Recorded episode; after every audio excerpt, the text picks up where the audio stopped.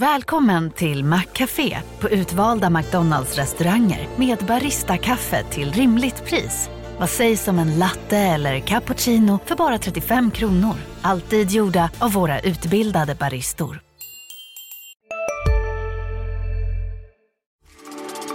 SaveLend Group är ett fintechbolag vars främsta mål är att leverera avkastning. På SaveLends sparplattform kan man investera i ett brett utbud av olika typer av krediter såsom fastighetskrediter, företagslån, konsumentkrediter och fakturaköp. Krediter som tillgångslag bidrar till ett naturligt kassaflöde och står helt utanför börsens volatilitet. Ett utmärkt komplement till aktier och fonder. Vill du veta mer? Besök savelend.se eller savelendgroup.se. Analyspodden från Dagens Industri. Hej och välkommen till Analyspodden. Bakom mikrofonen idag står jag, Johan Wendel, reporter och analytiker på Dagens Industri. Med mig har jag också Ulf Pettersson, också analytiker på DI. Välkommen Uffe. Tack ska du ha Johan, tack. Vi har haft en svängig börsvecka här med många, mycket rörelser. När vi spelar in det här på fredag förmiddag, eh, så ni vet vad vi vet ungefär, Eh, så är börsen upp över 1 procent här. Men eh, så har det inte varit fallet eh, resterande dagar den här veckan, utan det har varit både upp och nedgångar, eller hur Uffe? Ja, det har det. Tittar man på veckan, om vi nu stänger börsen du och jag klockan halv elva här, så är vi faktiskt upp 2 procent. Men vi har varit ner rejält under veckan också, stora rörelser, ett par procent varje dag har varit legio här och Eh, eh, till och med mer vissa dagar och, och, och, rörelser. Men det man får säga här är väl att eh, eh från, från torsdag, torsdag eftermiddag när vi rekylerade upp från minus 2% i stort sett på, på OMXPI eh, på torsdagen där och sen så rekylerade upp och fick en väldigt stark start på fredag så känns det lite som att det är lite sådär fyndköpsläge har blivit sista en och en halv dagarna. Så det får vi väl ta och prata om. Och sen så har vi haft en jättestor affär också med Swedish Match-budet som vi måste prata om också. Och sen så lite räntor. Det är ju sådana tider då vi måste prata räntor känner jag. Eh, är det något, något som du skulle vilja eh, lägga till till dagordningen Johan? Nej, men jag tycker att du har sammanfattat det väldigt bra här. Eh, och eh, liksom en nyckel här för börsen eh, nu då kommande tiden är ju såklart hur mycket kan våra kära centralbanker eh, höja innan vi eh, har en recession som sätter, sätter stopp här. Och det, det är väl lite det som eh, marknaden handlas efter här. Vi ser den amerikanska tioåringen nu då, yielden på den är två, strax över 2,9 här på eh, fredagsförmiddagen. Och eh, om vi kollar på den här så kallade break-even-inflationen, det har ju både jag och min kollega eh, Nils Åkesson skrivit om, det vill säga när man tar den eh, nominella räntan och på, på eh, sådana här obligationer och jämför med den inflationssäkrade räntan, då får man ju fram implicita inflationsförväntningar. De har ju faktiskt handlats ner senaste en och en halv månaden, vilket indikerar att marknaden tror att vi liksom har kanske passerat inflationstoppen och mycket riktigt fick vi faktiskt också amerikansk inflationssiffra här tidigare i veckan som faktiskt visade på en inbromsning, även om inflationen är kvar på extremt höga nivåer. Jag vet inte vad din take är, Uffe? Ja, men det är, det jag tror vi är inne och, och liksom tangerar den här 10 000 kronors frågan för börsen kommande veckorna och kanske även månaderna. Det här att, att det som har drivit ner börsen och fick börsen att liksom gå in i ett, vi ska säga en, en nedgångsfas när vi passerade 20 procent från toppen. Det var ju mycket ränteuppgången då, eh, massiv i, i, i, USA där man var uppe på över 3 procent på tioåringen och, och svenska räntan var ju och nosade på 2 procent på tioåringen. Men senaste tiden har vi faktiskt fått ett litet ett, lite lägre räntor. Det har nog att göra med det här att, vi, att man har liksom sett ganska svag, svag makrodata och man räknar nu med att de här räntehöjningarna som där centralbankerna var väldigt, väldigt på senaste räntemötena, att det kanske inte blir riktigt så många som man har förväntat sig, att vi kanske har en, en topp här på räntan. Och det, det är klart att det är ju något som marknaden vill se. Marknaden, och vi har sagt det så många gånger, men det är alltid giltigt. Marknaden hatar osäkerhet men å andra sidan fenomenal på att hantera eh, eh, eh, saker den, den känner till, även jobbiga saker den, den så att säga kan, kan känna till då. Och det som stökade till börsen förutom Ukraina-krig och, och, sånt där, det var ju just att vi visste inte om, om långräntan i USA skulle liksom gå upp mot 4 procent. Den passerade ju 3 ganska, ganska smidigt, men så visade det sig att, att, att liksom, det kanske är så att, att, att marknaden har prisat in eh, de räntehöjningar som kommer nu och, är man så att säga, börjar man bli säker på att det är 3% som är långräntan, då kommer man agera efter det där och då tror jag att vi så att säga kan, kan, eh, att börsen kan få stöd här och det man har sett senaste dagarna det är att, att optimismen som har varit helt bortblåst egentligen med stora utflöden, framförallt på amerikanska marknaden, har börjat vända just precis sista dagarna. Och man, det man gör då på aktiemarknaden är att man köper det mest utbombade. Vi har ju sett ganska stora Eh, uppåtrekyler i, i de aktier som har, har gått sämst här. Eh, eh så ja, det är ett, det är ett sånt där läge då, då liksom det finns lite, lite optimism. Sen kan den förbytas snabbt här. Skulle, liksom, skulle det visa sig att, att folk har liksom att Powell är mer, är mer stram och mer villig att höja räntorna än, än vad man tror just idag, då, då, då, då kommer räntan stiga och då kommer vi få ytterligare press på börsen. Och, och, jag tänker också, jag har också funderat en del på vad som kan få inflationen att sticka iväg ytterligare och eh, det är såklart eh, fortsatt stök på energimarknaden är ju sån, eh, eh sån faktor, men jag tänker också eh, de här eh, lockdownsen vi ser fortsatt i Kina eh, med anledning av eh, smittspridningen av covid-19 där. Det, är det verkar ju vara så att de kommer hålla i den policyn i alla fall till den här partikongressen i november för att då Xi Jinping-ledaren inte ska framstå i dåliga dagar. Vilket är, ja, det, det är ju en separat historia. Det är, men det får ju också enorma följdverkningar på eh, leveranskedjor och eh, tillverkning och så vidare som vi har sett tidigare hur det har skakat om eh, och drivit upp priserna. Det blir inte bättre av det här som vi ser nu.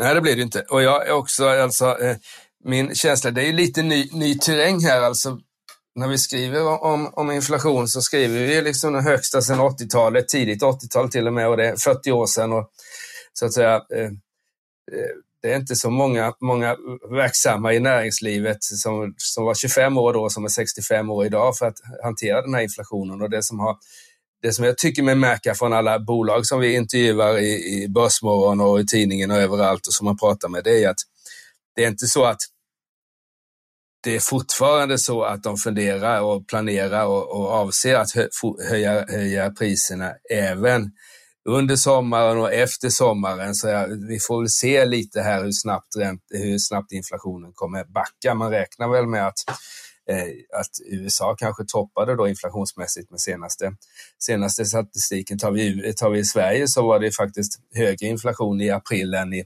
än i mars. Så här var det ju ingen topp ändå. Eh och jag tror att vi kommer ligga kvar på väldigt höga nivåer. Men så är det frågan om, om och det där kommer ju vara varenda, varenda eh, KPI-statistik kommande månad, den kommer vara helt börsavgörande. Det som var lite förvånande, eh, men å andra sidan så att säga en, kanske ett positivt tecken för börsen, det var ju att när vi fick den här höga inflationen i veckan här från, från eh, eh Riksbanken så, eller inte från Riksbanken utan det var SEB som, som gav den, men så svarade Riksbanken inte med att så att säga eh, prata om, om att man måste ta igen hårdare, utan tvärtom har ju Stefan Ingves i de uttalanden han gjort under veckan spelat ner de här väldigt kraftiga räntehöjningarna. Tar man i USA som, så var ju räntan backade i sig lite från mars då, men den var ju den var ju högre då än, än vad marknaden hade förväntat, men, men man såg ändå liksom en positiv börseffekt och det där är ju skulle jag säga att det känns som att marknaden nu har då prisat in en hög inflation och en ränta. Men det kan ändra sig. Men just nu är, om jag skulle få gissa börsutvecklingen kommande veckan, så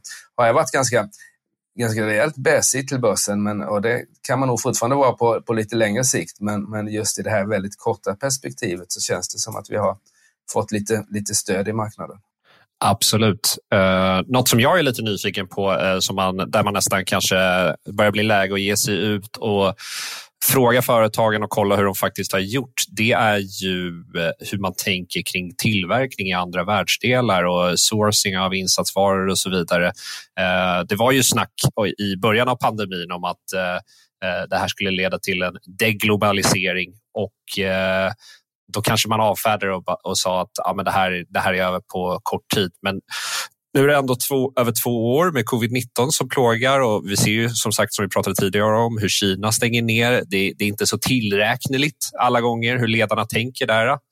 Och eh, där undrar man ju hur våra företag tänker kanske här i Sverige om man har ändrat sig eh, på något sätt. Att man kanske vill flytta hem mer produktion. Och Det är också någonting som kanske får betydelse för inflationen på lång sikt och nu är det inte på kort sikt.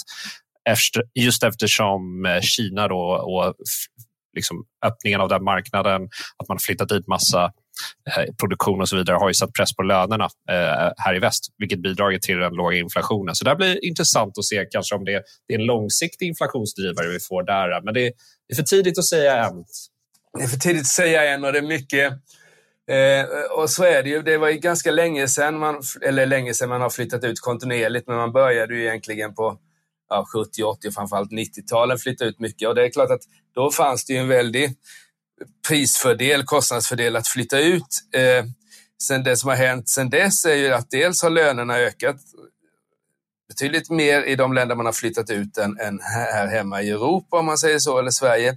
Och samtidigt så har automatiseringen tilltagit. Så jag tror att den vinsten man gjorde på att flytta ut produktionen, förlusten av att flytta hem, den blir inte lika stor som vinsten var. Det blir inget, så att säga, det blir inget nollsummespel där. Men likväl, visst kommer det bli så, men något som kanske är ännu mer inflationsdrivande på, på, på, på sikt, det är ju de här löne...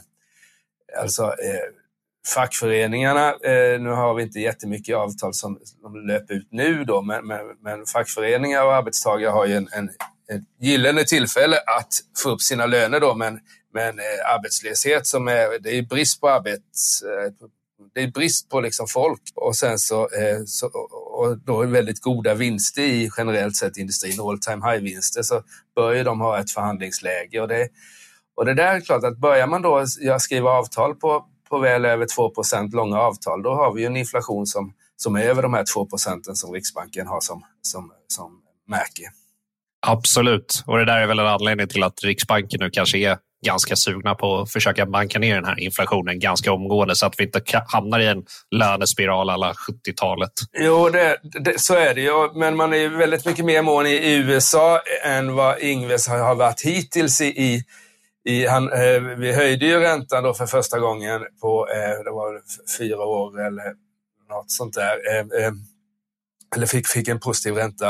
Eh, och, men han, han har ju hittills, hittills har han ju inte liksom pratat om några 50 punkters höjning där som kallas dubbelhöjning nu för tiden. Men som sagt var, eh, inflationsstatistiken i veckan gör nog att marknaden är, inte skulle bli överraskad om det blir 50 punkter från, från Riksbanken. Och det, det kommer ju slå alltså. Det, det, det, jag tror folk har börjat märka lite grann nu på de som har rörliga bolån har de senaste avierna har varit lite högre än tidigare. Inte mycket, men lite högre. Men det är klart, blir det en 50 punkters höjning så, så kommer det ju synas i, i de eh, rörliga boräntorna.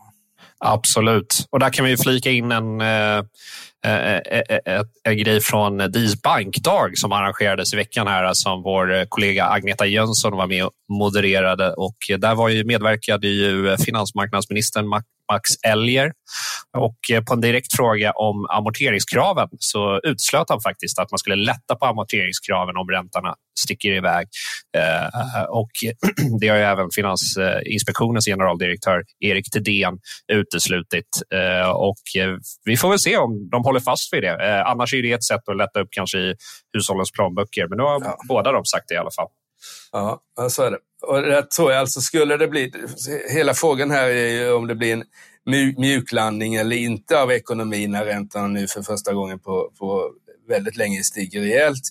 Eh, och eh, det är klart att den där mjuklandningen kommer ju, kommer ju eh, finanspolitiken så att säga hantera. För centralbankerna måste nog agera på de inflationer vi har och så är det upp till eh, finanspolitiken att, att agera så vi inte kommer in i en djup recession och eh, det är klart att man kan sitta idag och säga att vi inte ska så att säga lindra amorteringskraven, men det är klart att om priserna börjar falla och, och allmänheten börjar, börjar få det jobbigt så är det ju någonting som finns i verktygslådan för att, så att säga, förbättra kassaflödet lite grann för, för allmänheten. Men som sagt vi får se. Det tror jag avgörs av var, var räntan hamnar till slut och framförallt bostadspriserna.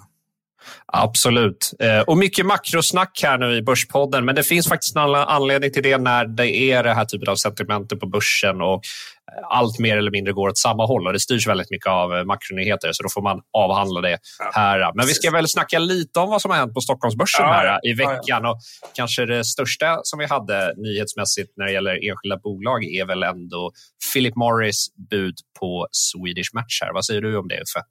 Uh jag ska inte säga att det var väntat, för aktien gick upp eh, 40-50 procent och är något som är väntat går inte aktien upp 40-50 procent. Eh, eh, det har ju varit prat om det här egentligen sen, sen, eh, sen Swedish Match börsnoterades 96 då. De knoppades ju av från Volvo.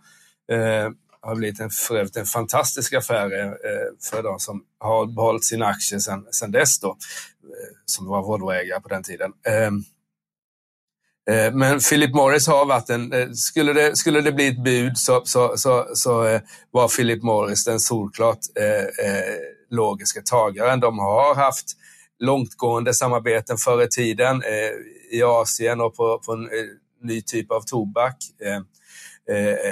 och känner ju Swedish Match väl. De är väldigt stora på Philip Morris hemmamarknad i USA.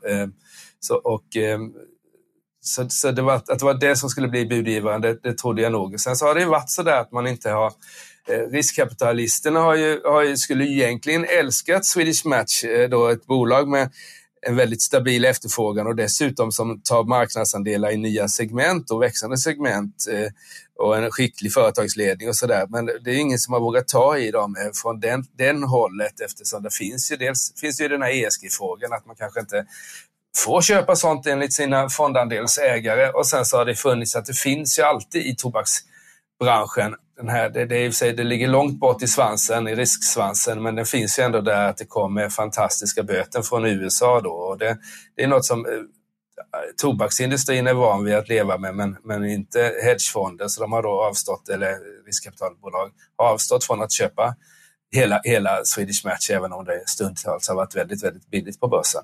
Eh, jag tror ju att budet kommer gå igenom. Eh, om det skulle komma ett konkurrerande bud så, så är det väl från någon av de andra stora tobaksjättarna helt enkelt. Men eh, jag tror att, att, jag tror att, att, att, att det blir så att vi blir av med Swedish Match och att det är Philip Morris som tar över. Ja, vi kommer följa utvecklingen fortsatt här. Välkommen till studion Ludvig Pettersson, VD och grundare för SaveLend Group. Tack. Du har ju varit entreprenör sedan 11-årsåldern. Vi är specialister på det vi gör, precis som du. Därför försäkrar vi på Swedea bara småföretag, som ditt. För oss är små företag alltid större än stora och vår företagsförsäkring anpassar sig helt efter firmans förutsättningar. Gå in på swedea.se företag och jämför själv. Hej, Synoptik här. Hos oss får du hjälp med att ta hand om din ögonhälsa. Med vår synundersökning kan vi upptäcka både synförändringar och tecken på vanliga ögonsjukdomar. Boka tid på synoptik.se. grundade SaveLend som 23-åring och blev First Norths yngsta börs-VD strax före 30. Men varför ska man spara pengar i krediter? I normala tider så är krediter ett bra komplement till aktier och fonder. Men i de här tiderna som vi ser nu med börsens svängningar så är det ett fantastiskt alternativ med kassaflöde varje månad och du kan sova tryggt om natten. Men du, vad skiljer det från liknande aktörer? Eh, vi har ett betydligt bredare erbjudande där du som kund själv väljer vilken kredittyp du vill investera i. Vare sig det är fastighetskrediter eller företagskrediter för att nämna två exempel. Och vi hjälper dig få en väldigt bra spridning i din portfölj med en relativt liten summa. Ni är också listade på First North.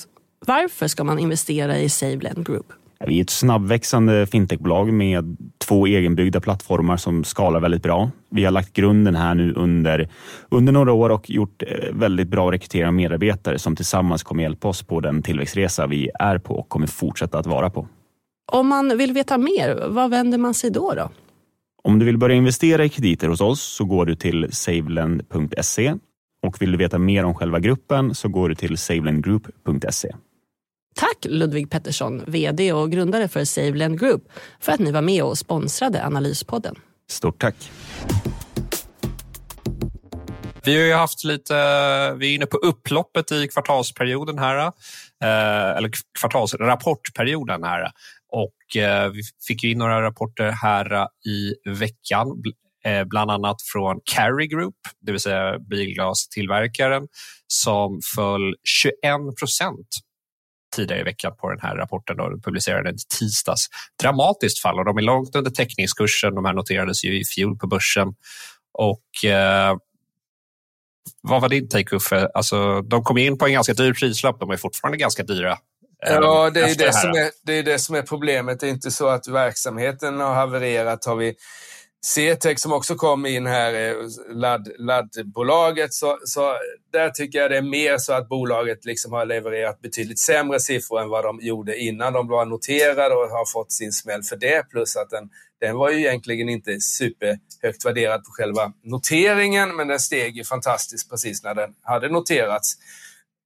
Och eh, i kombination med att rapporterna som de har redovisat här, senaste tre rapporterna är mycket, mycket sämre än, än vad liksom de tidigare rapporterat och mycket sämre än vad man ens i sina värsta farhågor kunde, kunde liksom befara så förstår jag den nedgången. Tar vi Carry Group så är det mer en effekt av att, att eh, noteringskursen var alldeles för hög där och det fanns ju en tid Eh, Eh, under förra hösten där sådana här förvärvs, förvärvsbolag eh, då som har en, liksom där förvärv är nästan det mest centrala i agendan blev för högt prissatta. Att aktiemarknaden var beredd att köpa, eh, betala väldigt mycket för affärer som inte, företagsförvärv som inte var gjorda utan väntade bortom hörnet och det kanske är lite, lite väl det är sånt där som händer. Jag kommer ihåg under precis i IT-eran, 98-99, så Eh, så träffade jag eh, Scholes, som, eh, alltså Black and Scholes-uppfinnaren, då, ekonomen. Och han hade en idé där 98-99 där han pratade, han hade utvecklat sin optionspristeori till att prata om reala optioner, alltså man skulle liksom lägga in någonting i optionsvärderingen som är egentligen en matematisk formel. Skulle man lägga in någonting liksom icke, icke matematiskt i form av real, ett realt värde som inte finns någonstans men som kommer uppstå i framtiden. Och det var lite så vi såg på och det där blev liksom ingen hit. Han åkte runt i världen och skulle sälja in det där. Och jag fick träffa honom men sen hörde jag inte mer om det. Och det är lite sådär ibland att det, typ var 20 år så, så, får, så får marknaden eh, hybris och ska liksom börja värdera framtiden redan idag på ett alldeles för ljust vis. Och det, det är nog det som ligger bakom Carrie Groups eh, fall i denna veckan och det ligger bakom eh, Storskogens haveri eh, det här året och det vimlar av bolag som har tappat mellan 50 och 75 procent av, av sin toppnotering. bolag som egentligen inte liksom går jättedåligt men där värderingen liksom blev alldeles, alldeles för hög och det är väl något vi får lära oss till nästa gång vi ska notera bolag på börsen. Just nu är det ju i stort sett totalstopp där faktiskt. Ja, eh, vi får följa utvecklingen där, men om historien är en guide så när håsen väl är igång så brukar det vara svårt att stoppa den och eh, det där eh, brukar vara samma visa igen ofta. Ett stående inslag nu för tiden i våra poddar det är ju eh, veckans aktietips eller aktieidé i alla fall. Har du någon, eh, någon du vill eh, eh delge våra lyssnare Johan? Ja, men jag kikade ju lite på Teknikkonsulterna i torsdagens utgåva av DI här.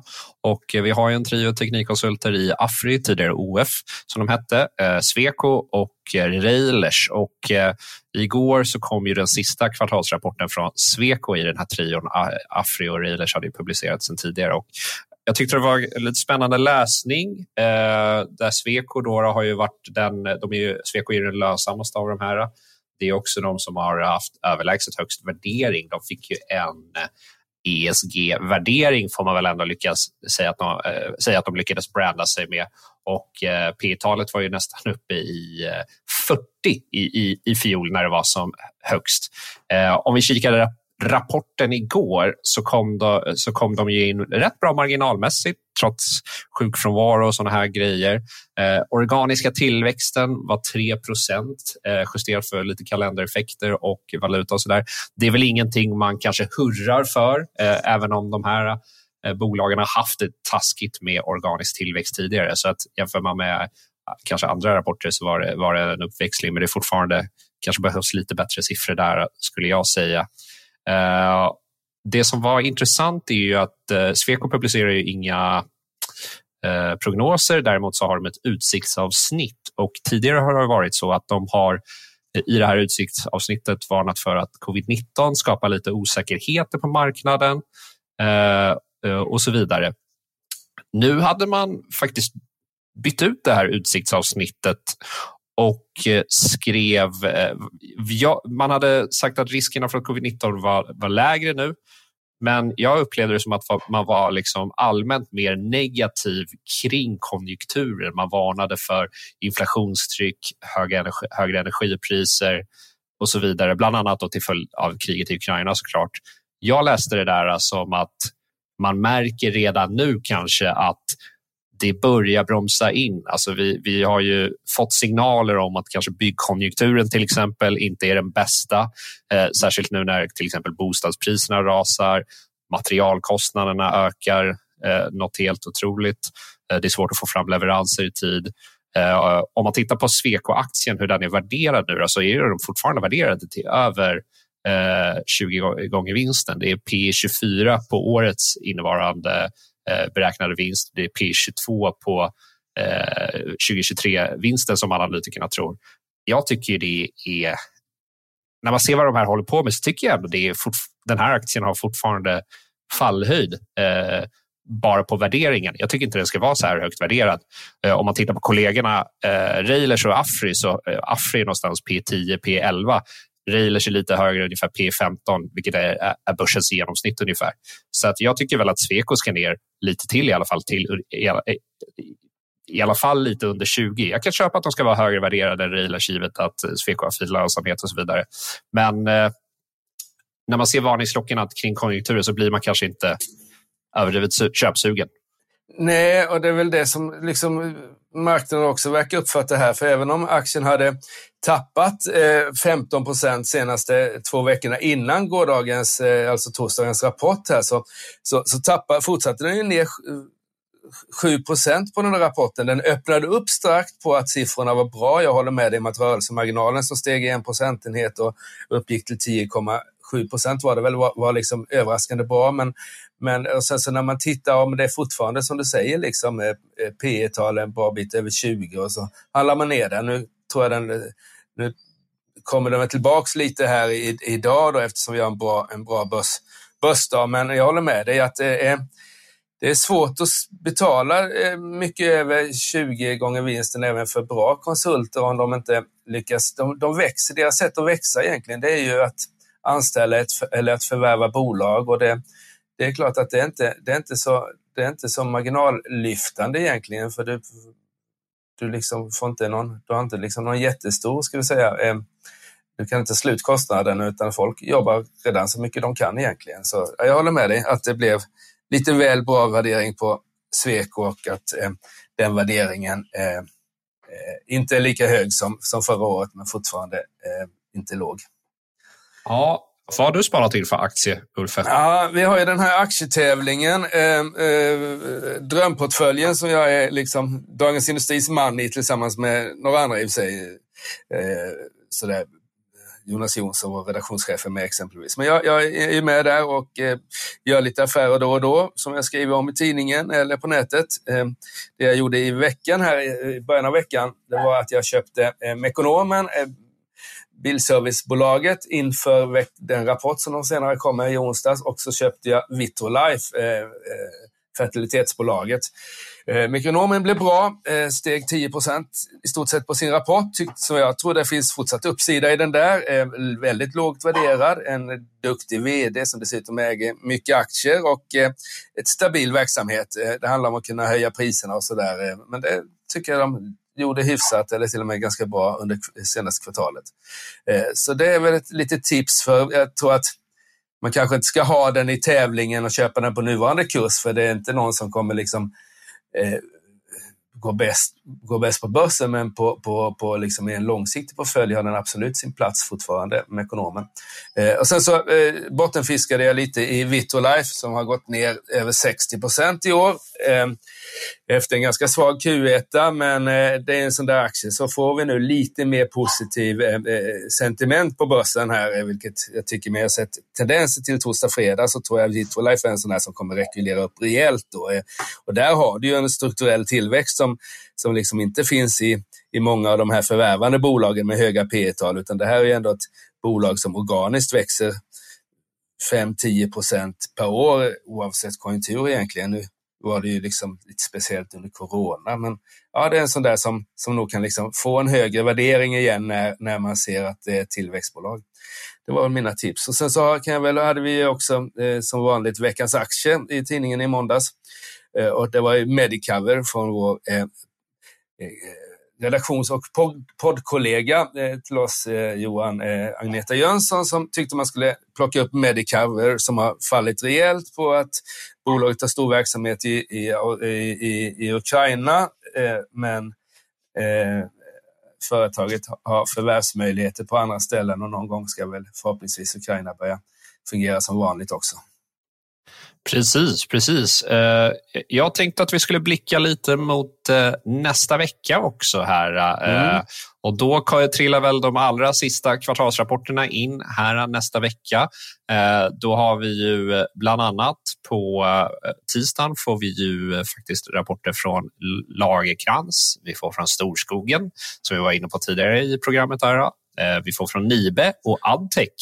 Eh, och sen kommer faktiskt Kopparbergs också som är NGM-listade med en rapport. Och eh, det här rapportracet fortsätter sen på onsdagen för då, finns, då kommer det faktiskt en hel del spännande rapporter. Vi har ju bland annat Biko som har varit i rampljuset här. Det har ju varit ett dramatiskt kursfall i den aktien. Eh, och eh, finanschef som har gått eh, och verkar inte helt överens med vdn. Så att eh, där, där, där, finns det eh, saker att läsa säkerligen i den rapporten. Vi får även Caliditas, Catena Media, Research, Better Collective. Så att, eh, det finns en hel del eh, kvartalsrapporter att läsa på onsdagen och sen så på torsdagen så, så vässar jag Eh, ögonen tänkte jag säga. Eh, jag tar på mig eh, mina bästa läsglasögon i alla fall och kikar in Embracers rapport som kommer klockan sex redan på torsdagen. Så där finns det det finns grejer att göra även nästa vecka. Är det någonting annat som du tycker man inte får missa, Uffe? Nej, men det är ju det, som sagt var det är slutet av rapportperioden. Eh, men det är klart att eh, Nibe är ju alltid intressant eh, och de har ju flaggat ett par, ett par kvartal nu för, för leveransbrist men har ju en underliggande, antar jag, god efterfrågan med tanke på allt som händer på europeisk energimarknad. Så det är ju intressant. Storskogen ska också blir intressant. De har ju fortsatt att förvärva mycket bolag även här under nedgången och så där. Så det vore väl kul att höra vad vd säger om, om framtida förvärvstakt och hur de ska finansieras och om han har så att säga, eh, tänkt om på något sätt efter den här ränteuppgången vi haft eh, bara på någon månad. Så det blir intressant att höra och sen så är det ju att hålla koll på, på, på, på räntorna eftersom jag tror att det är räntemarknaden som styr börsen just nu.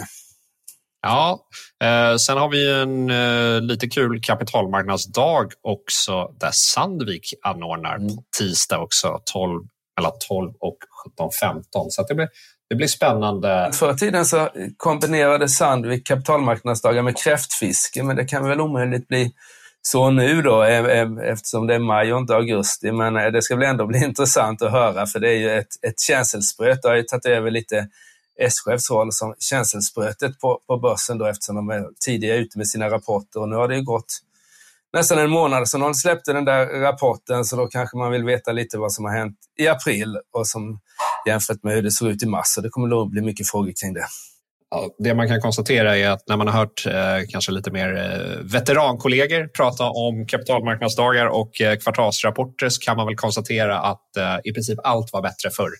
Ja. Här har saker och ting inte förbättrats. Så. så att, vi kan nog gå tillbaka till lite mer hur det var förr.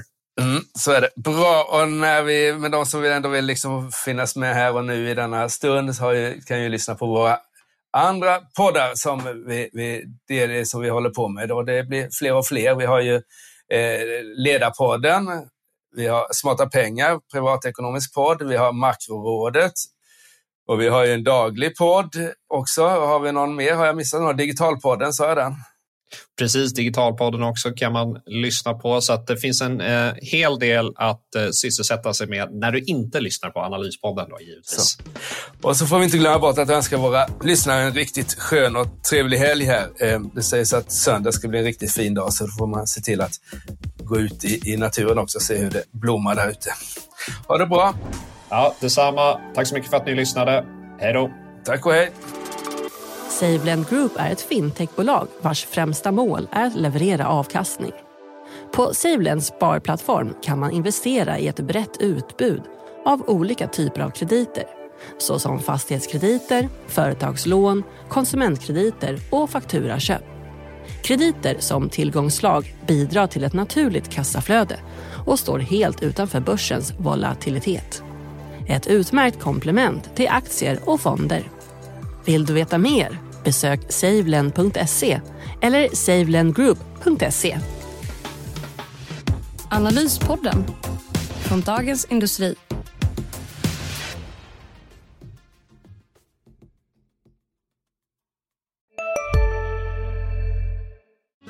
Hej, Susanne Axel här. När du gör som jag och listar dig på en av Krys vårdcentraler får du en fast läkarkontakt som kan din sjukdomshistoria. Du får träffa erfarna specialister, tillgång till lättakuten och så kan du chatta med vårdpersonalen. Så gör ditt viktigaste val idag, lista dig hos Kry. En nyhet. Nu kan du teckna livförsäkring hos Trygg-Hansa. Den ger dina nära ersättning som kan användas på det sätt som hjälper bäst. En försäkring för dig och till de som älskar dig. Läs mer och teckna på trygghansa.se. Trygg Hansa. Trygghet för livet.